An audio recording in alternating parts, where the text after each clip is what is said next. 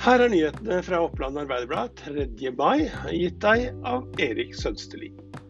Mandag så rykket brannvesenet ut til, ja, en drittjobb. En uheldig bonde hadde sølt opp mot 300 000 liter gjødsel på et jorde. Trond Granlund i Vestre Toten brann og redning sier at bonden på gården hadde gjort alt riktig, og han hindret dermed at utslippet spredde seg og gjorde større skade. AMK-sentralen ved Sykehuset Innlandet mottar årlig en lang rekke telefoner der innringer ikke er i en nødssituasjon. Så langt i år så er antall slike oppringninger hele 2000, opplyser kommunikasjonsrådgiver Line Fuglehaug til OA. AMK Innlandet varslet selv om en alvorlig hendelse til Helsetilsynet, der en person hadde forsøkt å få kontakt via nødtelefon.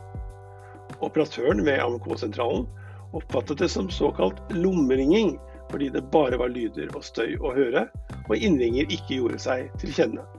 Personen blei senere funnet død. Helsetilsynet gransker nå saken. En mann i 60-årene er mistenkt for promillekjøring med bil på Raufoss tirsdag. Politiet opplyser at de har beslaglagt førerkortet. Arbeiderpartiet, Senterpartiet og Fremskrittspartiet er enige om å la flere bruke snøscooter til hytta. Avstandsgrensa for snøscootere fjernes fra 1.10. De tre partiene ble tirsdag morgen enige om at fra 1.10 skal kravet fjernes, og det må være 2,5 km fra brøytet vei til hytta for å få tillatelse til å frakte utstyr og bagasje med snøscooter, skriver Nasjonen. Det er fortsatt opp til kommunene å gi tillatelse.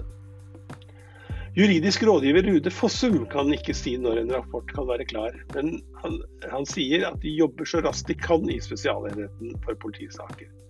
Han er den som nå sitter med saken som ble opprettet etter at politiet skjøt og drepte Trond Simen Lien på Jaren 5.8.2019. Det er gått snart ett år siden Trond Simen Lien ble skutt og drept av politiet. Sønnen Tom venter fortsatt på å få svar fra Spesialenheten for politisaker, som gransker politiet etter drapet. Han er svært kritisk til at de ikke har vært i kontakt med ham. To vietnamesere, en 30-åring og en 24-åring, sitter fortsatt varetektsfengslet etter at politiet gikk til aksjon på to eiendommer i Vest-Oppland i midten av januar. Funnet av store mengder cannabisplanter på begge adressene resulterte i fire pågripelser på stedet.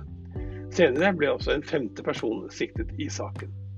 De to vietnameserne som fortsatt holdes fengslet, har liten eller ingen tilknytning til Norge, og politiet frykter at de to skal rømme landet hvis de slipper fri. Dette var noen av nyhetene i Oppland Arbeiderblad i dag. Du kan lese flere nyheter på oa.no, eller laste ned fra nettet en av våre podkaster. På gjensyn i morgen.